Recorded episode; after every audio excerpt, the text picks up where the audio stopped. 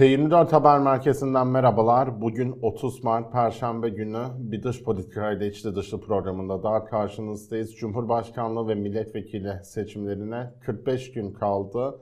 Bugün bu seçim süreci açısından önemli bir gün çünkü Cumhurbaşkanlığı adaylarının listesi belirlenecek. Tabi bugün de o yüzden önemli göz üzerinde tutulacak konulardan biri son haftalarda olduğu gibi Memleket Partisi Genel Başkanı Muharrem İnce'nin adaylığı olacak. Kulislerde Muharrem İnce'nin hala CHP'den işbirliği yapabileceği konuşuluyor. Bugünün en önemli başlıklarından biri içeride bu olacak. Biz dış politikayla içli dışı programında Barçın İnanç'la birlikte hafta olduğu gibi seçimler üzerinden ilerlemeye devam edeceğiz bugün de. Biraz daha seçim gözlemciliği konusu üstünde durmaya devam edeceğiz. Çünkü dün Agit heyeti resmen seçim gözlem sürecini başlattı. Çalışmalarını başlattılar. Daha önce 5-8 Aralık arasında bir ön hazırlık yapmışlardı.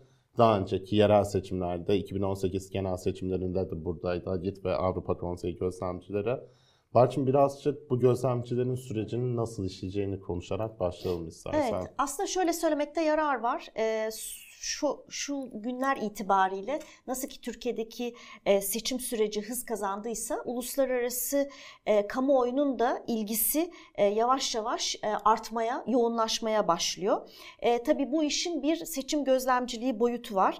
E, her şeyden önce şunun altını çizmek gerekiyor uluslararası gözlemcilerin bir ülkede görev yapabilmesi için o ülkenin resmi olarak davette bulunması e, gerekiyor. Türkiye'de e, yani e, yıllar içinde e, bundan hiçbir zaman e, imtina etmedi e, ve e, bu senede e, önümüzdeki e, Mayıs ayında yapılacak e, seçimlerde de özellikle AGİT'ten çok geniş bir gözlem heyeti görev yapacak. Senin de söylediğin gibi aslında ilk önce e, Agit'ten bir heyet Aralık ayında Türkiye'ye geldi ve seçimler için bir gözlemci e, misyon gerekir mi gerekmez mi? Bunun araştırmasını yaptı.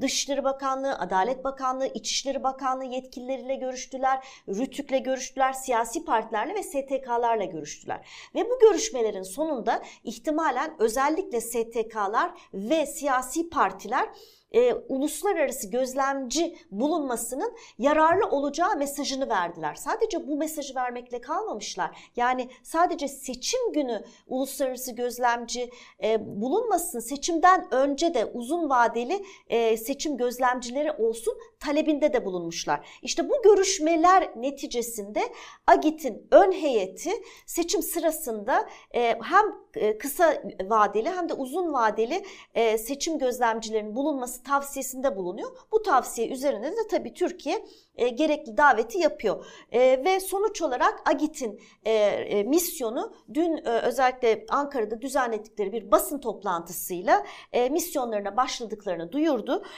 Bu heyetin başındaki Büyükelçi Jan Petersen öncelikle e, bir 14 kişilik kilit bir kadronun e, göreve başladığını söyledi. 7 Nisan e, itibariyle de 28 e, e, gözlemci uzun vadeli e, bir çalışma için Türkiye'ye gelecekler. Ondan sonra da seçim günü görev yapmak için de 350 e, tane 28 e, üyeli AGİT 350 gözlemci gelecek Türkiye'de görev yapmaya ve tabii bu heyet içinde aynı zamanda seçim sürecini de mercek altına alacaklar. Yani uzun süreli gözlemci demek şu anlama geliyor. Sadece seçimlerin e, demokratik şartlarda yapılması o günle sınırlı değil. Bu bir süreç. Kampanyanın da, kampanya sürecinin de eşit şartlar arasında, rekabetin eşit şartlar altında yapıldığının gözlemlenmesi önemli. O nedenle uzun vadeli 7 Nisan itibariyle e, e, gözlemci heyeti büyüyecek ve de bu heyetin içinde de özellikle de bir medya analisti olacak. Çünkü seçim sürecinde kampanyaların e, en fazla e, dile getirileceği e, yer e, elbette medya organları olacak. Bu nedenle de bir medya analisti de görev yapacak bu heyette. Evet, Agit e, medyayı aslında seçim sürecinin doğal parçası sanıyor. Çünkü seçimde yapılanların bir şekilde anlatılması lazım halka. Bu sebeple de bir medya analistinin olacağı bir ekip de olacak. Şimdi bunlar ne yapacak? Geçen seçimlerden öne çıktığımızda baktığımızda bu ekip medyada hangisi adaya ne kadar yer verildi? Medyada eşit şekilde tutum sergileniyor mu? Sadece iktidar sahipleri mi muhalefette yer alabiliyor mu? Hangi kanal ne kadar yer verdi? Bunu gözlemleyecekler. Bunu nasıl yapacaklar? Televizyonda özellikle prime time dediğimiz gece kuşağında ne kadar hangi aday yer bulabildi? Onun dışında tabii ki yazılı basın takip edilecek. Bunun dışında benim anladığım kadarıyla, duyduklarım kadarıyla bu seçimde internet basının da takip edilmesi gündemde. Geçen seçimlerden sonra yine gündeme gelmişti. Bu seçimde de hazırlanan gereklilik raporunda Agit demiş ki yani medya evet medya var, muhalefete değer veren bir medya var. Ama özellikle son geçirilen bizim kendi aramızda sansür yasası diye andığımız medya yasasıyla otosansüre yol açabileceğine dair bazı uyarılar var. Onun dışında iktidar medya üzerinde etkisi olduğuna dair yaygın bir anlayış var. Dolayısıyla medyanın seçimde nasıl bir rol oynayacağına Agit çok önem veriyor. Tabi sadece Agit değil, Batı da bu yüzden basın özgürlüğü vurgusunu her fırsatta yapıyor aslında. Evet ve bu kez de bir agit heyetinin e, üzerinde duracağı başka bir şey de seçim sisteminin değişmiş olması. Dolayısıyla bu seçim sisteminin e, etkileri e, halka yeterince aktarılıp aktarılmayacağı buna bakacaklardır. Onun dışında elbette senin de söylediğin gibi basın nasıl takip edecek buna bakacaklar. Bir ek e, mesele de tabii deprem bölgesinde seçimlerin nasıl yapılacağı. Nitekim e, basın toplantısında Büyükelçi Petersen e, deprem bölgesinde seçim yapmanın zorluklarının farkında olduklarını ve bu anlamda da bazı endişelerin olduğunu da e, bildiklerini e, söyledi. Dolayısıyla deprem bölgesi de tahmin ediyorum Agit misyonunun e, özellikle mercek altına alacağı e, bir konu olacaktır. Ama sadece Agit değil Agit dışında Avrupa Konseyi Parlamenter Meclisi'nden de 50 kişilik bir heyet Türkiye'de gözlemde bulunacak. Onun dışında Türkiye bence özellikle Türkiye Cumhuriyetlere örnek olmak açısından da Türkiye Devletleri Teşkilatı, Türk Devletleri Teşkilatı üzerinden e, Orta Asya Cumhuriyetlerine dönük de e, zannediyorum bir e, çağrıda bulundu. Oradan da gözlemci gelmesi e, söz konusu olacak. Dolayısıyla aslında seçim günü aşağı yukarı neredeyse 500'e yakın e, uluslararası gözlemcinin e, görev yapmasını e, e, bekliyor olacağız. Evet, umalım ki diğer Türkiye devletleri örnek olabilecek bir demokratik süreç işlesin. Tabii biz bu demokratik süreci işlerken demokrasiyle ilgili soru işaretleri devam ediyor. Bu da yine ABD'nin demokrasi zirvesi üzerinden o gündeme geldi bu hafta.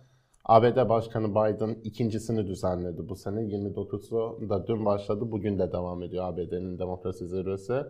Türkiye ve Macaristan yine davetli değil zirveye. Bunun işte Türkiye'ye bir mesaj olabileceği konuşuluyor.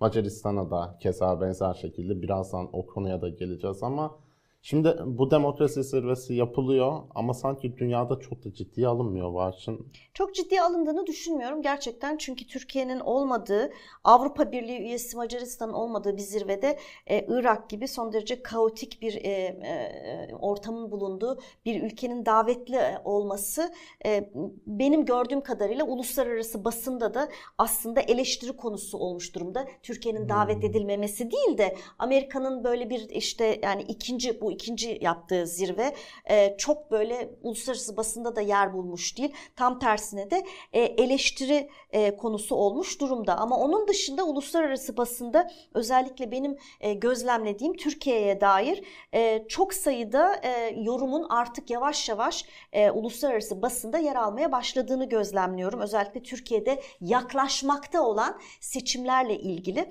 ve burada özellikle de iki konu açıkçası e, dikkat çek, çekiyor. E, bir tanesi işte bunun aslında Türkiye açısından bir demokrasi sınavı olacağı. E, diğeri ise e, tabii 20 yıllık bir Erdoğan iktidarı olduğu için bu 20 yıllık e, Erdoğan iktidarının tırnak içinde yıkılıp yıkılamayacağı ya da Erdoğan'ın e, kolay kolay işte görevi bırakıp bırakmayacağı e, yani seçimlerin ne ölçüde demokratik olup olmayacağı e, onun dışında e, muhalefetin e, ne kadar e, başarılı bir performans gösterip göstermeyeceğine dair yorumlar e, e, sıkça artık e, yer almaya başladı başladı uluslararası basında. Onun e, onun dışında da artık özellikle e, bizler yabancı gazetecilerle temasta olan e, e, gazeteciler artık yavaş yavaş yurt dışından telefonlar almaya başlıyoruz. İşte şu tarihte geliyorum, kimlerle görüşelim, e, nasıl yapalım. Benim tahminim seçim e, günü de e, özellikle uluslararası basının e, çok ciddi bir e, e, ilgi göstereceğini e, tahmin ediyorum. E, çünkü e, bir nevi ihtimalen bu aslında e, tek adam rejimiyle e, demokrasi e, arasında bir yarış olarak e, telakki edilecektir. Ve buradan çıkacak sonucun da hem e, bölgeye etkileri ama hem de dünyadaki genel anlamda e, son yıllarda gerilemekte olan demokratik rejimler e, üzerindeki sonuçları itibariyle de e, dikkat çekici olacağını düşünüyorum. Onun dışında bir ilginç parantez açmak gerekirse son dönemlerde özellikle Türkiye uluslararası gazetecilere dönük bir uygulama başlatmış durumda. Türkiye'de özellikle geçici olarak görev yapmak isteyen yabancı gazeteciler bulundukları ülkede Türk Büyükelçiliğine başvuruyorlar ve vize ücreti için yabancı gazetecilerden anladığımız kadarıyla 3 günde e, kalsa, 3 ayda kalsa 300 dolarlık bir meblağ e, isteniyormuş ki e, bunun oldukça yüksek olduğunu düşünüyorum. Onun dışında e, işte dedik ki dünya e, dünyanın projektörleri Türkiye'ye çevrilmiş durumda. E, aslında bu seçimlerin e, uluslararası yatırımcılar da e, yavaştan yavaştan ilgi göstermeye başladı. E, bu anlamda e, işte dünyanın en saygın ekonomi gazetelerinden e, biri olan Nikkei Asia'nın e, internet sitesinde İngilizce bir e, e, haber yayınlandı. E, gazeteci meslektaşım e, Sinan Tavşan tarafından. E, onun verdiği bilgilere göre e, örneğin Fransız e, BNP Paribas e, Nisan başında bir Türkiye'ye bir heyet göndermeyi e, düşünüyormuş. E, işte İspanyol BBVA e, bu hafta e, Türkiye'de temaslarda bulunuyor. E, ve e, anladığım kadarıyla yani e, Türkiye'de seçimlerden sonra iktidar değişsin ya da değişmesin nasıl bir gidişat olacak onu anlamaya dönük e, görüşmelerde bulunuyorlar. Onun dışında yine e, finans piyasalarının yakından tanıdığı ve Türkiye yorumlarıyla bilinen e, e, Tim Ash konuşmuş e, gazeteye ve hani bir tek gün geçmiyor ki e, Türkiye ile ilgili e, telefon almayayım sürekli telefonlarım çalıyor Türkiye'de ne olacağına e, dair diye. E, o anlamda şunu söyleyebilirim ben de e, benim de bazı konuştuğum yabancı diplomatlar e, e, seçimlerden sonra özellikle iktidarın değişmesi durumunda e, ekonomi politikalarının da e, değişeceği beklentisiyle e, yatırımcıların ilgisinin daha fazla artabileceği e, yönünde yorumlarına ben de yabancı diplomatlardan e, açıkçası duydum. E, özellikle e, aslında Türkiye'ye ilginin normal şartlarda e, Covid'den beri yani e, Çin'den çıkan Covid'den e, e, sonra tedarik zincirinde yaşanan kırılmalardan sonra özellikle Avrupa'da e, tedarik zincirini daha coğrafi olarak daha yakına çekme arzusu e, kendisini hissettiriyordu ama Türkiye'deki e, e, rejimin niteliği özellikle hukukun üstünlüğü konusundaki soru işaretleri üzerine ekonomi politikalarının tasvip edilmemesi çünkü bu süreçte son 3-4 senedir yabancı yatırımcı tamamen Türkiye'yi terk etti. Çin'den e, oluşacak boşluğu doldurmak için e, Türkiye'ye yönelilmesini e, önüne geçti. Dediğim gibi hem Türkiye'deki demokrasi geriliği, hukukun üstünlüğünün olmaması vesaire. O nedenle şimdi eğer iktidar değişirse ve muhalefet e, söylediği gibi hukukun üstünlüğünü tekrar e, e, yeniden e, ihsas ihdas ederse e, ve e, ekonomi politikalarını e, mevcut e, hükümetin e, izlediği türden değil başka bir yola sokma e, yoluna giderse o zaman e, yatırımcıların Türkiye ilgisinin artması söz konusu olacak. Ama iktidar değişmese bile e, ihtimalen e, madem Türkiye burada e, o zaman mevcut bu rejimle neler yapılabilirin e, sorusuna da e, elbet cevap aranacaktır diye tahmin ediyorum. Evet, ekonomi basının dediğin gibi finans basının çok ciddi bir iddia e, ilgisi var konuyla ilgili. Mesela Bloomberg'de çok büyük bir İyi Parti Genel Başkan Yardımcısı Bilge Yılmaz'la ilgili profil vardı ve benim Bloomberg'den aslında çok sık görmediğim sıklıkta paylaşıldı bu. Twitter'da neredeyse 3 gün üst üste çok sık sürekli karşısına çıkıyordu insanların. Bunun üstüne hatta bana da ya Bilge Yılmaz profilini gördüm mü diye çok söyleşi gördüm mü diye çok konuşulan oldu. Dünya basınında gazetelerin ilk sayfasında haftada 2-3 Türkiye ile ilgili analizler görmek mümkün artık. Tabii bunlar hem ekonominin durumuna hem depremin etkilerine hem de demokratik gerilemeye odaklanıyor. Dolayısıyla Politico Türkiye'nin demokrasi zirvesine ABD'nin ilk davet edilmediğini duyurduğunda da bu demokratik gerileme üzerinden gördü. Ve aynı zamanda bir başka NATO üyesi Macaristan'ın da yine davet edilmemesine öne çıkardı. Şimdi Macaristan'la Türkiye bazı açılardan farklı örnekler olabilir ama ikisi de Batı'nın gözünde otoriterleşmeye doğru ilerleyen, Batı ittifakından topup başka yönlere doğru evrilen ve içeride de, kurumsal bağlarıyla duran, devam eden ülkeler. Dolayısıyla Batı için bu ülkelerin demokratik gerilemesi çok önemli iki başlık. Bu iki ülke arasında da ilginç bir işbirliği oluşmaya devam ediyor. Zaten Orban'la Erdoğan'ın bir yakınlığı olduğunu biliyorduk. Şimdi bu süreçte de NATO üzerinden ilginç bir işleyiş ilerliyor. Dün Katarina Novak, Cumhurbaşkanı Macaristan'ın Türkiye'deydi. Bu sürece biraz bakacak olursak Türkiye ile Macaristan Finlandiya'nın NATO üyeliği sürecini aslında çok peş peşe takip etti diyebiliriz. Tabii ki bununla ilgili doğal bir açıklama yok. Ama ne oldu işte Erdoğan yeşil ışığı yaktıktan yaklaşık bir hafta sonra TBMM'de Dışişleri Komisyonu'na geldi. Dışişleri Komisyonu'ndan geçilen günler sonra Macar parlamentosu Finlandiya'nın katılım protokolünü kabul etti. Üstüne Macar Cumhurbaşkanı hemen bugün TBMM'de görüşülen planlaması planlanan Finlandiya katılım protokolünden önce dün Türkiye'ye geldi. Hala iki ülke Finlandiya yeşil ışık yatsa da İsveç'in üyeliğini onaylamadı. Türkiye'nin buna karşı sert bir tutumu olduğunu biliyoruz.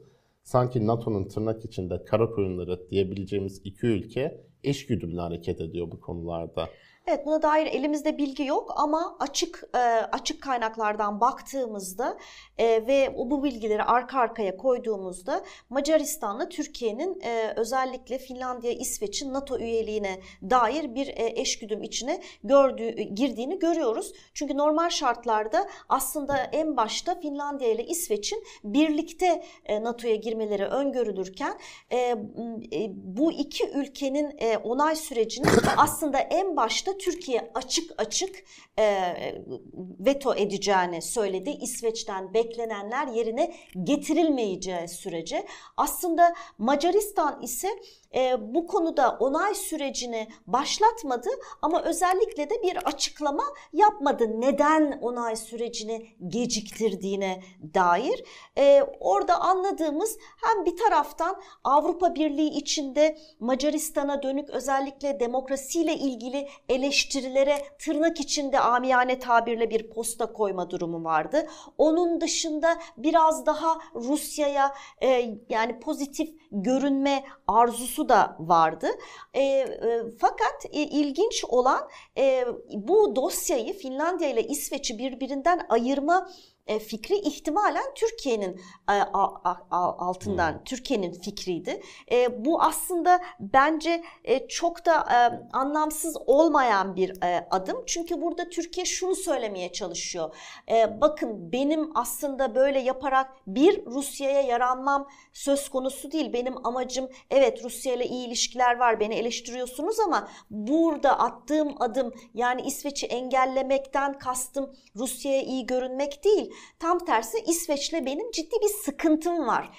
E, Finlandiya'yı da alarak e, bunu bir, bir nevi kanıtlamış oluyor. Yani e, Finlandiya ile bir derdim yok. Finlandiya'yı alıyorum, yeşil ışık yakıyorum. Şimdi bu dosyaları ikiye ayırma Türkiye yaptıktan sonra Macaristan'ın da e, bunu böyle yapmış olması iki taraf arasında e, yani belki e, bilinçli, belki işte gayri resmi bir eşgüdüm olduğunu açıkçası gösteriyor. Şimdi başka ilginç olan bir mesele ise bu arada hemen altını çizelim. Bu Finlandiya'nın NATO üyeliğinin bugün mecliste e, onaylanması e, gündemde ama süreç uzayabilir ve önümüzdeki haftaya da kalabilir deniyor. E, onun dışında Macaristan'la ilgili ilginç olan bir başka gelişme ise hükümet sözcüsü yakınlarda bir açıklama yapmış e, Zoltan Kovacs ve e, İsveç'e e, e, çatmış eleştirmiş.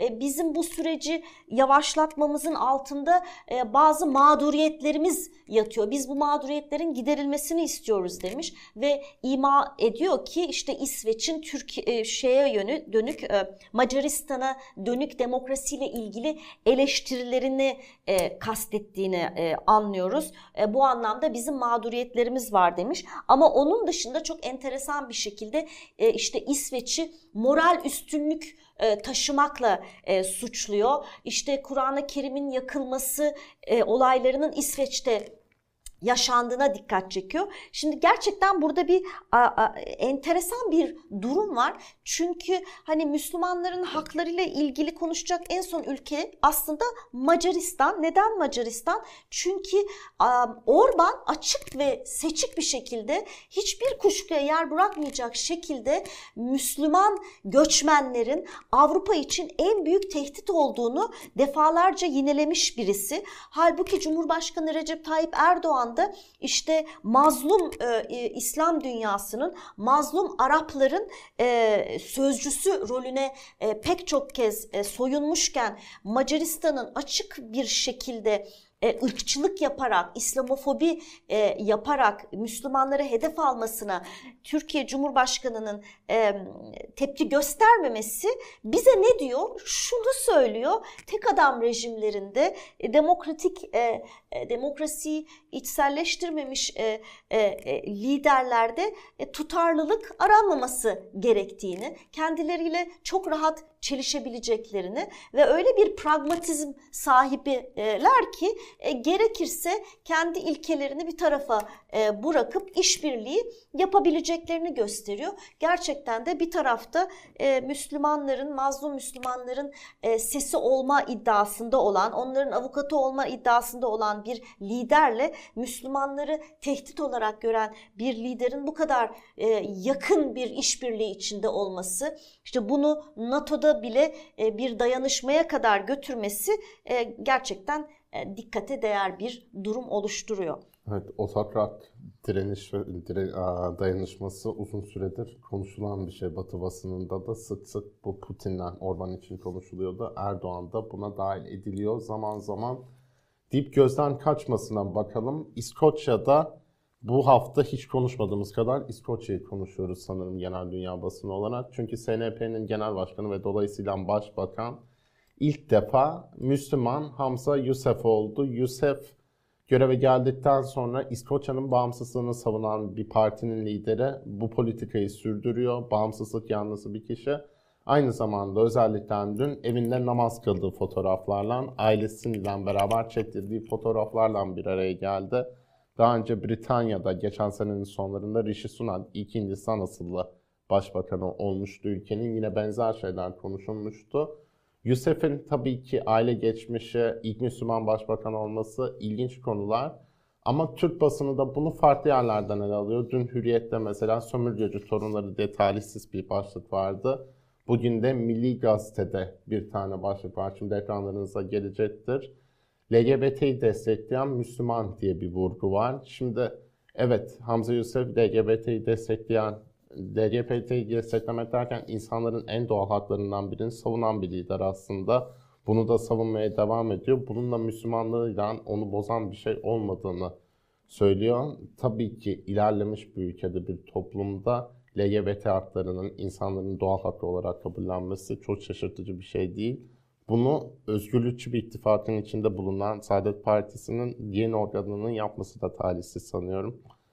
Tabii bu önemli bir gündem Türkiye'de konuşulmaya evet, devam edecek. Evet, tabii burada enteresan olan e, yani işte bir tarafta e, Hint asıllı e, e, bir e, İngiliz'in başbakanlık koltuğuna oturmuş olması, e, İskoçya'ya da yani Birleşik Krallık'tan ayrılmaya çalışan İskoçya'nın e, başbakanı da Pakistanlı olması, Hindistan ve Pakistan'ın ezeli e, e, tırnak içinde düşman olması da e, bu gelişmenin böyle çokça e, basında yer bulmasına da yer e, neden oldu tabii. Evet, bunu tabii yani bir yandan da ilginç bulduğum bir şey de bunu bazı insanlar, gazeteciler çok kutlarken Türkiye'de bir benzeri olsa aynı insanlar ne tepki verirdi hayal bile edemiyorum. Ama tabii ki çifte standart günümüzün bir gerçeği her Evet. yerde. Ve bu bağlamda da zaten e, oradan Bulgaristan'a bir Evet. köprü atacağız değil mi? Aha. Ama araya önce bir İsrail koymak istiyorum aslında. Tamam. İsrail'i unutmayalım. Çok uzun bir konu, çok kısa özet geçeceğim. Tabii ki yargı reformundan protestolar yapılıyordu. Uzun süredir konuşuyoruz. Ama bu hafta Savunma Bakanı Netanyahu'nun s- e, reformunu eleştirdiği için kovulmasının ardından halk patlama yaşadı ve sokağa indi. Sokağa indikten sonra da bu yargı reformu geçici olarak askıya alındı. Buradan aslında öne çıkarmak istediğimiz bir fotoğraf var. Protestolarda bir kare çekildi. İsrailli bir protestocunun elinde sonumuz Türkiye gibi olsun istemiyoruz diye bir e, poster taşıdığı görüyor. Tabii ki bizim için çok üzücü bir kare aslında. Evet yani açıkçası bazı İsrailliler özellikle Rusya-Türkiye benzetmesinde bulundular. Ben e, bir tanesine denk geldim. BBC radyoyu dinlerken e, e, meşhur e, yazar e, Yuval Noah Harari e, konuşurken e, işte Rusya ve Türkiye benzetmesi yaptı. Eğer İsrail'de Benjamin Netanyahu'nun e, yapmayı düşündüğü e, değişiklikler e, e, gerçekleşirse e, İsrail e, demokrasi olmaktan e, çıkar. E, tıpkı işte Rusya ve e, Türkiye gibi olur. Yani bu iki ülke de e, aslında sözde demokrasi gibi gözüküyor ama e, tam tersine de, değiller diye bu benzetmeyi sadece sokaktaki vatandaş değil ama İsraillilerin e, elit kesiminden de duymak mümkün oldu. Evet, şimdi radarımıza bakalım.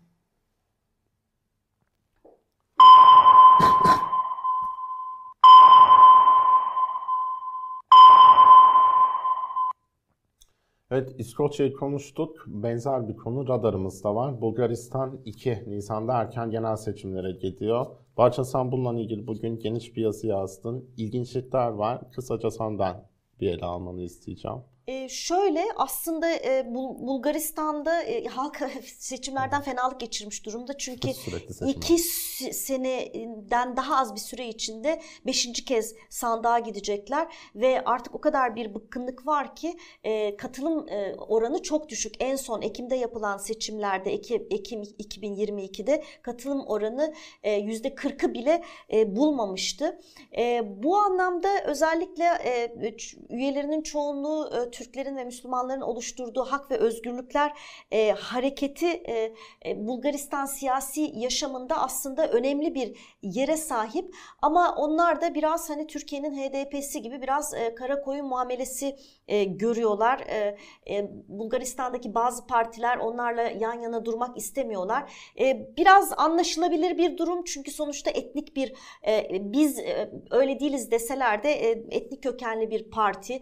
E, Bulgaristan'ın yanı başına 80 milyonluk bir e, Türkiye olunca e, tabii Bulgar toplumunda bir hassasiyet e, yaratıyor. Ama bununla birlikte sonuç olarak 6,5 milyonluk Bulgaristan'ın %10'luk e, bir e, nüfusu Türkler ve Müslümanlardan e, oluştuğu için Hak ve Özgürlükler Hareketi'nin de e, e, siyasi hayatta ciddi bir rol oynaması hatta bu seçimlerden sonra e, hükümete ortak olması söz konusu. Aslında Bulgarlar e, sandığa gitmeseler ve Bulgaristan'da yaşayan Türkler ve Türkiye'de yaşayan çifte vatandaş, soydaşlar sandığa gitseler belki de Hak ve Özgürlükler Hareketi'nin lideri e, birinci parti bile çıkıp e, Bulgaristan'a başbakan bile olabilir. Çok çok çok uzak bir ihtimal değil ama bu aşamada tabii Hak ve Özgürlükler Hareketi'nin amacı 40'a yakın milletvekili çıkarıp hükümet ortağı olmak. Ama bunun içinde özellikle Bulgaristan'daki e, Türk ve Müslümanların sandığa gitmeleri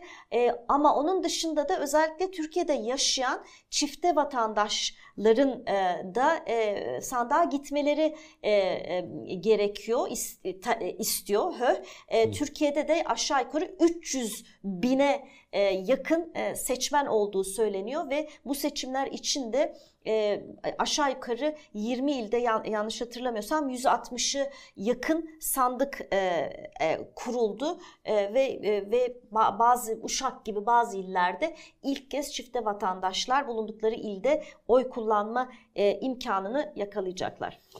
Yani cidden Bulgaristan seçimlerinin Türkiye'den bu kadar iç içe olması ilginç bir konu aslında ki Türk medyasının aslında çok da dikkatini çekmeyen bir konu sıklıkla. Bir başka radarımızdaki konu tabi bu hala kesinleşmedi. Biz bunu ilk olarak Kremlin medyasından duyduk.